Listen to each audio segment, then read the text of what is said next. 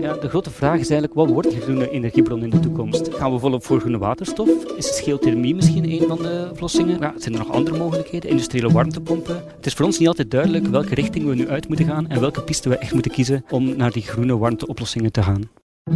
Welkom allemaal bij Tomorrow Talks, een podcast mogelijk gemaakt door ABN AMRO Private Banking en de eerste aflevering in een drieluik over de grote veranderingen die familiebedrijven te wachten staan. Ze hebben ook iets bijzonder, dat ondernemende vuur dat generatie op generatie wordt aangestoken en de fakkel die wordt doorgegeven. En generaties die ook keer op keer met transities te maken hebben. Tomorrow Talks probeert die grote veranderingen een stapje voor te zijn. We nodigen telkens een familiebedrijf uit, een expert uit het veld en specialist ter zaken van ABN AMRO, die ter plekke de challenges van dat familiebedrijf vertalen naar oplossingen. En een eerste thema waar we niet omheen kunnen is de energietransitie. De oorlog in Oekraïne en de heersende inflatie maken die vraag nog dwingender. Niet enkel voor particulieren, maar zeker ook voor bedrijven. Hoe proberen bedrijven hierop in te spelen? Hoe anticiperen ze op die duurzame energietransitie? En vooral, welke vragen heeft het bedrijf zelf voor onze experten? U hoort het hier rond de tafel in Tomorrow Talks. Ik ben hier gelukkig niet alleen, maar in het goede gezelschap van Peter van Ees, energie-expert bij ABN AMRO, met een duidelijke focus op hernieuwbare energie, waterstof in het bijzonder, en de energietransitie. Pieter Vingerhoets, expert energie en klimaatstrategie bij Vito Energyville. En Wart Klaarbout, Legal en External Affairs Manager bij Agristo, een bekend aardappelverwerkend familiebedrijf. Heren, welkom. Dag Elias. Dankjewel. Marian. Ik richt me even tot de twee experten rond uh, onze tafel. Voor de duidelijkheid, stellen jullie jullie zelf misschien kort eens even voor en wat jullie scope is. Peter, beginnen bij jou. Ja, ik werk bij, uh, bij ABN AMRO in uh, Nederland, in Amsterdam. En daar is dit een team vol met, ja, laten we zeggen, experts of analisten op een thematische gebieden en ook op sectorgebieden. En ik doe daar het uh, thema energie. Oké, okay. Pieter? Ik ben Pieter Vingerhoes, ik werk bij Vito Energyville. En wij zijn vandaag tot dag bezig met energiesysteemmodellering. Welke investeringen zijn nodig om naar die klimaatneutrale maatschappij te gaan en welke impact heeft dat op de bedrijven? Alright, heel helder. Dankjewel heren. Wart, hoe lang ben jij al aan het werk bij Agristo? Wel, ik uh, werk intussen bijna uh, acht jaar voor Agristo in uh, verschillende functies, maar momenteel als Legal en External Affairs Manager, maar recent ook als programmaleider voor verschillende duurzaamheidsprogramma's, waaronder het reduceren van onze Agristo footprint of onze ecologische voetafdruk. Ja. Eet jij veel frietjes? Nee, eigenlijk niet zo heel veel, maar ja, ik weet niet of ik dat mag zeggen. Hebben wij ze al geproefd eigenlijk? Ja, dat denk ik wel. We doen dus hoofdzakelijk private label producten, dus we maken de merken van onze klanten en die merken liggen in supermarkten uh, in België, Nederland, maar ook uh, in de rest van de wereld. Maar we doen ook merken van distributeurs voor horeca, dus uh, ongetwijfeld zullen jullie die producten wel, wel al geproefd hebben. Ja. We doen trouwens ook niet, niet enkel diepvriesfrieten, maar ook aardappelkroketten, gratins, hash browns. Pomduchesques. Onder andere, ja. ja, ja. ja, je zei me daarnet dat België niet de belangrijkste afzetmarkt is voor jullie. Welke dan wel? Nee, ja, ik, uh, ik denk dat we 1% van onze volumes in België doen ongeveer. Dus voornamelijk Europa natuurlijk, dat is onze grootste afzetmarkt. En het Verenigd Koninkrijk, ja, dat is, dat is de grootste markt uiteraard. Daar English wordt, breakfast. Ja, voilà, daar wordt heel veel diepgevroren en voorgebakken uh, product gegeten. Ja. Ja. We hebben je al eens ontmoet natuurlijk, Wart, toen je ons op sleeptouw nam in het bedrijf. Hè, op een van jullie productielocaties in Wielsbeke. We gaan daar samen eens naar luisteren. Welkom, we zijn bij Agristo een producent van voorgebakken en diepgevroren aardappelproducten. Opgericht in 1986 door twee vrienden, Anton Malays en uh, Luc Raas. En op vandaag is het nog altijd een familiebedrijf. Het is de tweede generatie die aan het roer staat sinds 2018. Ja, het voordeel is dat we echt op die lange termijn kunnen gaan denken. We kunnen echt investeringen gaan doen die misschien soms een iets langere terugverdientijd hebben, maar die wel een effect hebben op duurzaamheid natuurlijk. En die duurzaamheid is voor ons essentieel. We hebben dat ook echt verankerd in onze bedrijfsstrategie. We hebben een aparte strategische pijler gedefinieerd, sustainability as an attitude. En daarbij verwachten we eigenlijk van al onze medewerkers dat duurzaamheid een criterium wordt in alles wat ze doen. Dus elke beslissing die genomen wordt, daar moet duurzaamheid één van de criteria zijn. Dan gaan we handen ontsmetten of handen wassen. Jullie mogen dat hier doen aan de wastafel. Hier zit ook zeep in. Ja.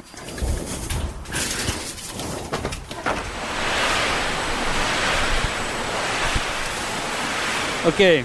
nog rechtdoor, ja. Daar, daar is de stoomschiller. Daar gaan we schillen. Daarna worden die aardappelen gesneden. Dan passeren de frietjes uh, door die zeven en uh, worden ze allemaal gescand. Dit is hier de blancheur. Hier gaan we de frieten gaan uh, opwarmen tot een 90 graden. En hier gaan we ook restwarmte gebruiken. Dan kunnen we een hot naar de oven gaan. Dat ook heel luid zijn. Hè?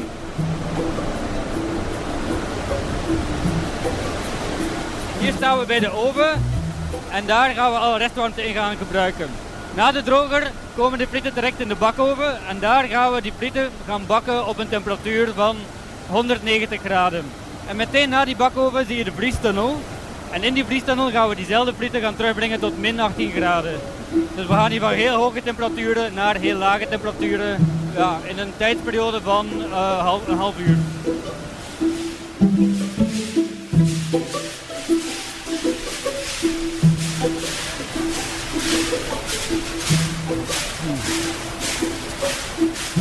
Hier zijn we dus bij het eindproduct. Fritten vallen in die verpakkingslijn. Ze worden gewogen boven. Ze vallen in de folie. De folie wordt dichtgezegeld. Uh, en daarna worden de verschillende zakken in een, uh, in een doos gelegd. Ze passeren uiteraard nog eens metaaldetectie en al de labels worden erop aangebracht. Dan gaan de dozen naar de paletten en de paletten gaan in het vrieshuis.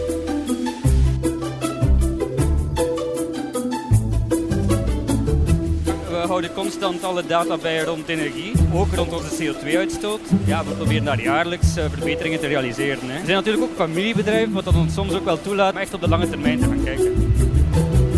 Bedankt voor die rondleiding. Het zal je niet verbazen, maar ik heb er een beetje honger van gekregen. Een familiebedrijf zijn is een troef, zeg je, heeft een voordeel. Leg dat eens uit. Het is heel belangrijk voor ons, dus we zijn een heel snel groeiend bedrijf, maar we doen erg ons best om, om dat familiaal karakter ook wel te bewaren. En het laat ons wel toe om heel korte communicatielijnen te hebben, om ook heel snel beslissingen te nemen ook. En zoals ik zei in de reportage, om ook die lange termijn echt voor ogen te gaan houden. Hè. We willen een bedrijf bouwen die er over 100 jaar nog staat. En die derde generatie van het familiebedrijf, die is nog erg jong op vandaag, maar die zit er ook aan te komen. Dus we willen dat bedrijf op een duurzame manier overdragen aan, uh, aan die generatie. Mm -hmm. We hoorden het al in de reportage, maar het is toch van belang voor het verdere gesprek. Kan je nog eens heel gebald het productieproces duiden? Um, de aardappelen komen in onze fabrieken binnen en daar gaan we ze eerst gaan wassen en uh, sorteren. Daarna gaan ze naar de schillijn en daar gaan we die aardappelen gaan schillen met, uh, met stoom. We gaan net genoeg stoom toevoegen om die schil zacht te maken, waardoor dat we die schil er kunnen afborstelen. Wordt gewassen eigenlijk? Ja, ze wordt gestoomd, toch wel warm gemaakt, um, om die schil ja, zacht te maken. Hè. En dan gaan die, die aardappelen naar de snijlijn, dus daar gaan we ze snijden in verschillende snijmaten. En dan zijn het frietjes, die gaan door de blancheur en de droger, om dan in de bakoven terecht te komen, waar dan we ze gaan afbakken met, uh, met plantaardige olie. En meteen na die bakoven worden de, de frieten ingevroren uh, in de vriestunnel het is heel belangrijk dat dat snel gebeurt na het bakken om zo weinig mogelijk kwaliteitsverlies te gaan, te gaan hebben. Oké. Nu, als we even inzoomen op energie en op wat je zegt in het eerste deel van de reportage, sustainability is opgenomen in jullie bedrijfsstrategie. Kan je daar enkele voorbeelden van geven? We zijn natuurlijk al lang bezig met duurzaamheid en met energie, maar we hebben inderdaad vorig jaar onze bedrijfsstrategie ook herzien en echt duurzaamheid verankerd in, um, in onze bedrijfsstrategie en daar ook een aantal doelstellingen op geplakt. Dus ja, we kijken natuurlijk naar onze carbon footprint. Die bestaat uit drie scopes. Hè. Uh, die derde scope gaat over de keten, maar scope 1 en 2 gaat over de uitstoot die we zelf veroorzaken of energie die we aankopen. En voor die scope 1 en 2 die willen we gaan reduceren met 50% tegen 2030 per ton afgewerkt product. En dat betekent dat we dus echt ja, minder energie gaan moeten verbruiken per ton. We gaan ook moeten warmte recupereren zoveel mogelijk. Die restwarmte moeten we inzetten in onze productieprocessen.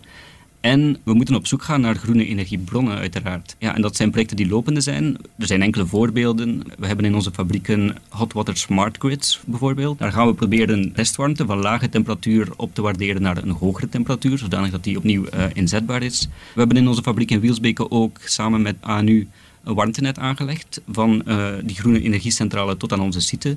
Um, en via dat warmtenet wordt eigenlijk momenteel 90% van onze warmtebehoefte voldaan. Zeer interessant. Nu goed, we hebben deze twee heren, Pieter en Peter, niet voor niks uitgenodigd, uiteraard. Jullie werken bij Agristo al hard aan die verduurzaming, hè, dat is duidelijk, op verschillende niveaus en in alle lagen van het proces. Maar toch, Wart, zit je nog met enkele heel gerichte vragen om die energietransitie daar ten volle op te anticiperen. We luisteren eens even. Onze centrale doelstelling is eigenlijk de CO2-uitstoot gaan reduceren. Eigenlijk willen we 50% minder CO2-uitstoot per ton afgewerkt product. En dat gaat over onze scope 1 en 2. Dat gaat dus vooral over ons energieverbruik. En daar zien we ja, een drietal grote uitdagingen. Uiteraard moeten we minder energie gaan verbruiken voor dezelfde hoeveelheid eindproduct. Dat is een grote uitdaging, maar daar investeren we in energetische machines, energetische installaties. Maar ook in opleiding, training van onze medewerkers, sensibilisering van onze medewerkers ook, zodanig dat zij de juiste acties nemen bij het bedienen van die machines. Een tweede grote uitdaging is de recuperatie van restwarmte. Er is restwarmte in onze productieprocessen en die restwarmte proberen we op te waarderen tot hogere temperaturen, zodanig dat die opnieuw kan ingezet worden in onze productie. Maar dat lukt niet voor alle restwarmte. We hebben nog resterende restwarmte over, waar we nog steeds oplossingen voor gaan zoeken. En de derde uitdaging is eigenlijk dan echt op zoek gaan naar groene bronnen van warmte, want warmte is eigenlijk onze grootste factor. En daarvoor moeten we echt op zoek gaan naar samenwerkingsverbanden. Hier in Wielsbeke werken we al samen met de centrale ANU. Er is een stoomleiding aangelegd tussen ANU en onze site hier. En die voorziet eigenlijk 90% van onze warmtebehoefte. Dat is een oplossing die we hier hebben. Die hebben we niet op al onze sites. Op andere plaatsen zoeken we nog naar groene warmtebronnen om in te zetten in onze productieprocessen. Ja, de concrete vraag zou zijn om mee na te denken over die lange termijn oplossingen. Welke richting moeten we nu uitgaan? Vooral weer voor die warmtebehoeften. Ja, de grote vraag is eigenlijk, wat wordt die groene energiebron in de toekomst? Gaan we volop voor groene waterstof? Is geothermie misschien een van de, van de oplossingen? Ja, zijn er nog andere mogelijkheden? Industriële warmtepompen? Het is voor ons niet altijd duidelijk welke richting we nu uit moeten gaan en welke piste we echt moeten kiezen om naar die groene warmteoplossingen te gaan. Oké Bart, ik vat even samen de challenges, vragen van Agristo met betrekking op de energietransitie. We beginnen met die eerste challenge. Hè. Hoe kunnen we minder energie gaan verbruiken voor eenzelfde output? Ik kijk even naar jullie, Peter, Pieter. Dat is een heel belangrijke. Wat Agristo doet, dat is knap. En ook vroeg in het, uh, in het proces. Hè. Ik denk dat ze een van de voorlopers uh, zijn. Felicitaties. Ook het feit dat je al rapporteert op je scope 1 en scope 2 emissies. En ook dat dat goed bijhoudt. Dat is precies wat er ook uh, staat te gebeuren. En waar toch heel veel bedrijven nog niet aan toe zijn. Ook mentaal nog niet. Dat moet je allemaal gaan bijhouden. En jullie doen dat al. Ik vind dat heel goed. En ook het zoeken van wat voor andere opties je hebt. Dus ik vind het heel moeilijk om daar concreet antwoord op te geven zonder de site te kennen. Wat heel erg belangrijk hierbij is, is dat we ons realiseren dat groei eigenlijk niet meer met efficiënte grijs gas en stroom kan worden gedaan. Eigenlijk moeten we vanaf 2030 en ook al eerder eigenlijk gaan zitten nadenken hoe gaan we onze groei niet zozeer financieren, maar hoe gaan we onze groei van groene energie voorzien? Omdat de absolute en niet de relatieve, maar de absolute uitstoot, die moet eigenlijk omlaag. Mhm. Nou, dat hoor ik jou ook zeggen, Wart. Hè, min 50 procent, ondanks dat je een snel groeiend bedrijf bent. Nou, dat je die mindset hebt, dat vind ik echt heel erg goed. Ja. Oké, complimenten daarvoor. Ja. Pieter, heb jij nog uh, ik, tips? Uh, ik sluit mij aan bij Peter. Het is heel knap hoe Agristo nu al nadenkt over al die processen en hoe die te verduurzamen. Ik denk, hoe kunnen we energie-efficiënt zijn? Dat is natuurlijk voor elk bedrijf, voor elke site, voor elk productieproces anders.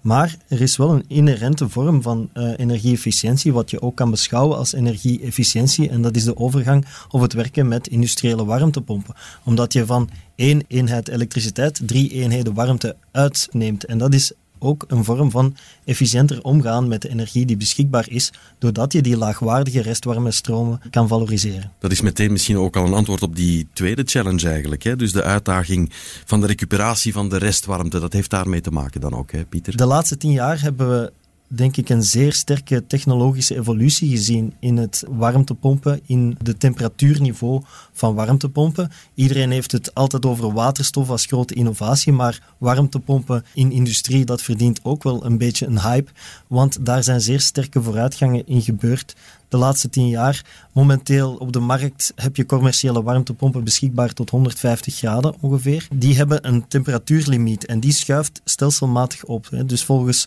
sommig onderzoek kan je mits innovatie tot ongeveer 300 graden met warmtepompen voorzien. Op hogere temperaturen kan je nog elektrisch gaan, maar dan heb je niet die efficiëntiewinst die warmtepompen hebben één eenheid uh, elektriciteit in en drie eenheden warmte uit. En dat is wel belangrijk. Alles wat met een warmtepomp kan gedaan worden, zal zeer duurzaam en toekomstgericht zijn. Ja, Peter, de warmtepomp is de oplossing voor de recuperatie van restwarmte ook. Kijk, wat Pieter zegt, dat is heel belangrijk. Als je denkt van, kijk, ik kan met mijn huidige productieprocessen, kan ik met die warmtepompen wel uit, laten we zeggen, tot 150 of tot 200 graden, dan heeft het eigenlijk geen zin om uh, op bijvoorbeeld waterstof over te stappen. Want dan zijn die warmtepompen zijn efficiënter. Op vandaag stellen we wel vast dat die technologie van die warmtepompen eigenlijk nog niet beschikbaar is om tot uh, temperaturen van 215 graden te gaan. Want dat is eigenlijk de temperatuur die wij nodig hebben om de bakoven te gaan verwarmen of de stoom te gaan gebruiken voor, de, voor het schillen. Dus ja, daar zijn we wel nog altijd op zoek naar ja, die pasklare antwoorden. Die, die liggen er precies nog niet. Beter? Nee, ja, precies. Je snijdt een belangrijk punt aan. Hè? En uh, als bank vinden het ook belangrijk om het punt te maken sommige zaken zitten nog echt in transitie. Hm. Dit is de transitie, de technologie is er nog niet altijd. Maar op het moment dat jij wel een pad volgt en zegt van hè, we willen hier op een gegeven moment wel iets mee, maar dat kan nog niet, zijn we als bank wel degelijk bereid om mee te denken van oké, we laten het nog even lopen. Hm. Want het heeft nu geen zin om daar nu een soort tussenoplossing uh, te pakken. Ja. Je moet wel al mentaal klaar zijn van op het moment dat het er komt, gaan we het doen. En dan ook een idee hebben van het wordt ook ontwikkeld. Ja, en technologie staat inderdaad niet stil. Hè. Ik zie dat er wel degelijk oplossingen zijn voor restwarmte op 60, 70 graden. Daar kunnen we wel iets mee gaan doen. Maar er is ook een deel van die restwarmte die 40, 50 graden is. Ja, dat is ook vandaag nog verloren. En dat is jammer. Daar moeten echt oplossingen voor kunnen, kunnen komen dat die warmte ook uh, inzetbaar is. Misschien zelfs niet voor onze eigen productieprocessen, maar misschien voor uh, warmtevragers in de omgeving. Mm. Ja, ik denk, ik denk dat ook, uh, dat is ook belangrijk. Je kijkt naar die warmtevragers in de, in de omgeving. Je hebt die, die stoomleiding. Ik denk dat dat fantastische zaken zijn die voor veel andere bedrijven een voorbeeld kunnen zijn. Hoe kunnen we die warmte uitwisselen? En het begint inderdaad met, met zulke warmtenetten. Vandaag de dag zijn, is warmte van 40 graden gaat vaak nog verloren. In de toekomst kan het zijn dat het uh, warmtenetten aangelegd worden die ook een deel van, van stadscentra uh, van warmte voorzien en waar je op kan intakken. Maar dat zijn natuurlijk processen en, uh, die, niet, die niet alleen in de handen van jullie bedrijf liggen. En dat zijn gecompliceerde projecten waar je niet alle kaarten zelf in handen hebt. Klopt. Dus um, ja, zoals gezegd in Wielsbeek, uh, daar ontvangen we al heel veel warmte via een warmtenet van ANU. Um, de uitdaging is ook, de resterende warm, restwarmte die wij hebben, kunnen we die gaan delen met andere warmtevragers. Um, we hebben een fabriek in Nazareth ook, dicht bij Gent. De grote warmtevragers in, uh, in Gent, en in het Gentse, zitten in het Gavengebied. Um, dat is al vrij ver. Dat is ja, denk toch wel een vijftigtal kilometer. Um, dus daar zomaar de warmtenet gaan aanleggen, dat is niet zo evident. Um, plus de restwarmte die wij over hebben, ja, dat is dan ook net de warmte die we zelf niet kunnen gebruiken. Dus dat betekent ook laagwaardige warmte, uh, die 40, 50, 60 graden, um, die ook het havengebied niet nodig heeft.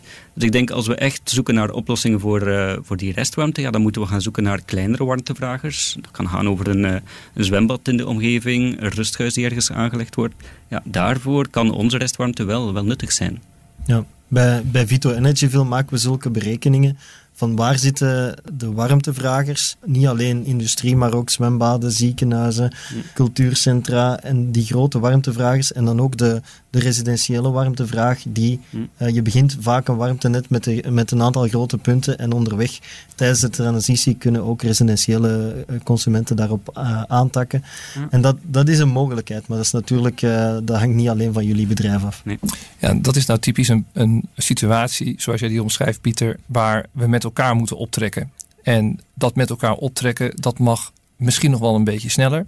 Want we hebben nu, laten we zeggen, een bepaald project. We hebben één bedrijf dat echt state of the art is. Dat ook al een aantal dingen ook echt geregeld heeft. Het feit dat dat warmtenet er ook ligt, ook al heel bijzonder.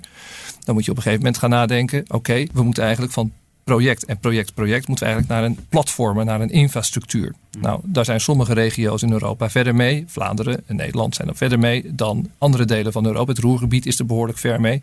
Maar dat zijn typisch discussies die ook weer een volgende fase in moeten. Ook in die wat meer geavanceerdere delen van de Europese economie. Dus we zouden eigenlijk ook weer met elkaar moeten gaan zitten. Oké, uh, hoe gaan we dit met welke stakeholders hier in Vlaanderen. Hoe gaan we dat dus naar de next level brengen? Misschien een interessante tip. Op de warmtekaart Vlaanderen, dat is beschikbaar op Geopunt. Als je een site hebt die in een bepaalde regio ligt, wat zijn de grote afnemers en de sector van die afnemers die in de buurt liggen? En die bedrijven zijn mogelijk kandidaat om, om, om warmte mee uit te wisselen. Ja. Zoals jullie nu ook doen. Ja, nee, daar zijn wij zeker geïnteresseerd in. Natuurlijk, het is zoals u terecht zegt ook, die, uh, die coördinatie ontbreekt soms wel een stukje. Er zijn heel veel actoren ja. die betrokken zijn.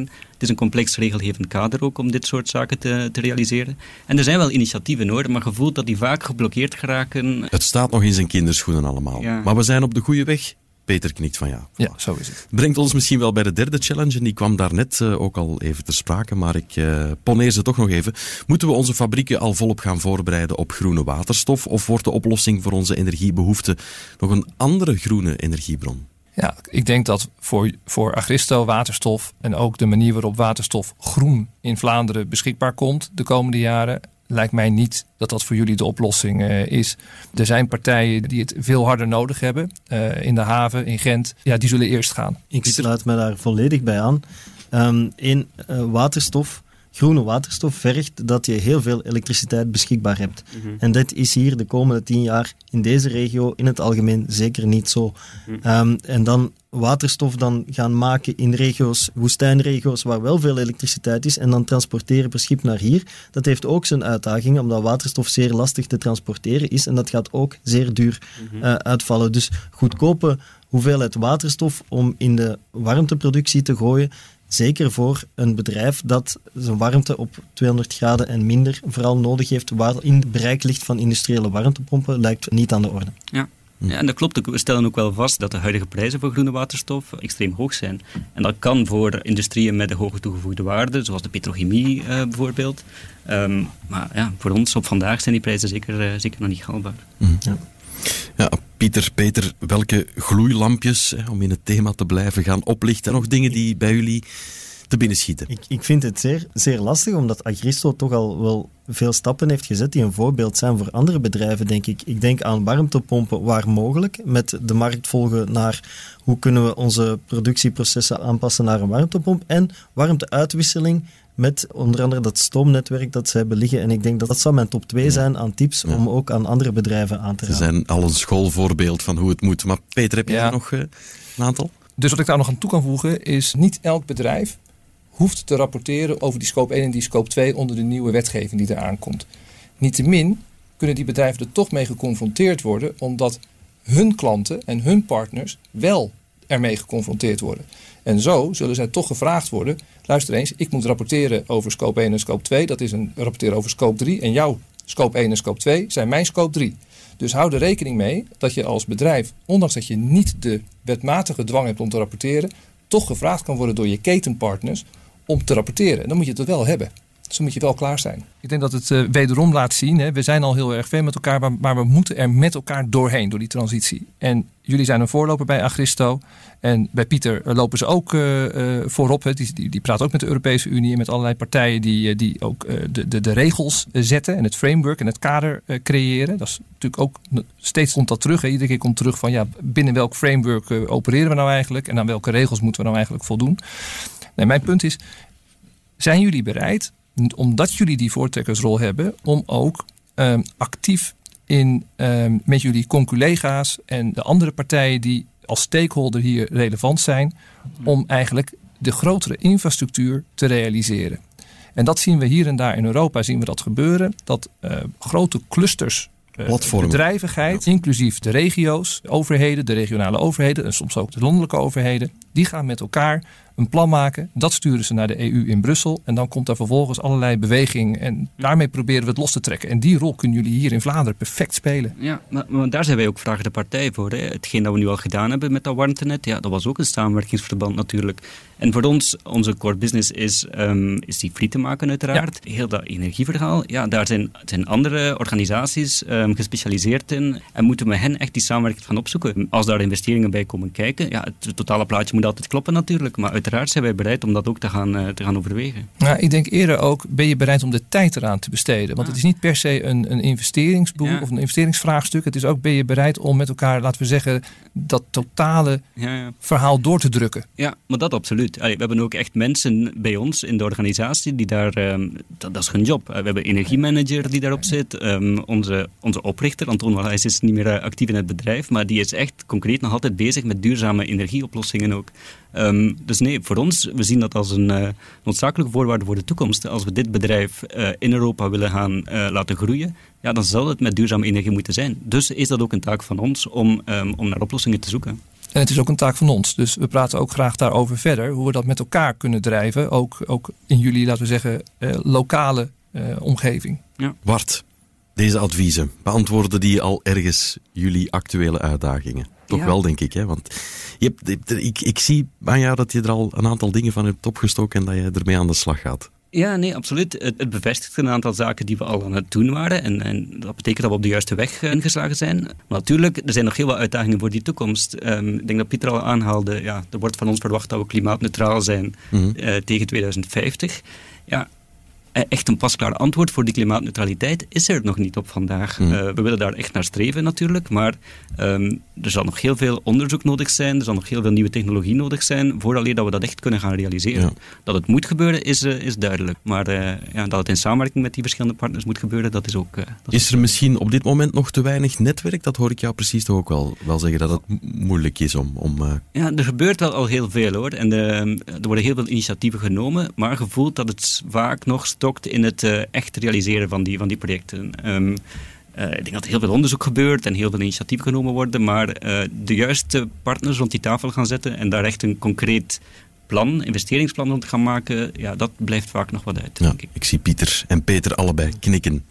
Dus daar is nog werk aan de winkel. Goed. Ik denk, als ik één advies zou kunnen geven, is inderdaad aan bedrijven zoals jullie een warmtepomp. Dat doorstaat elke vorm van beleid. Je kan zeggen van beleid wat je wil, maar als je een industriële warmtepomp installeert, dat is een zogenaamde no-regret investering. Daar ga je geen spijt van krijgen. Warmtenet waar het mogelijk is en waar het kan. En die, dus die discussies opstarten. Waterstof, daar wordt veel voor gepraat, maar dat zie ik voor jullie sector op die lagere temperaturen. Um, waterstof zie ik eerder bewegen tussen de grote industriële clusters, de petrochemie, mm-hmm. de staalindustrie eventueel, en niet meteen voor uh, de voedingssector. Dus uh, ik denk dat jullie op dat gebied al heel uh, belangrijke stappen hebben ge gezet. Dus proficiat daarvoor. Dankjewel. Jouw hoed staat vol met pluimen, Wart. Ja. Proficiat. Dankjewel heren. Heel fijn dat we uh, echt ook met deze concrete takeaways kunnen afsluiten. Ik bedank je daarvoor Peter van Ees, energie-expert bij ABN AMRO. Pieter Vingerhoets, klimaatstratege en energie-expert bij Vito Energyville. En Wart Klaarbout van Agristo. Op naar een meer duurzame en betere wereld.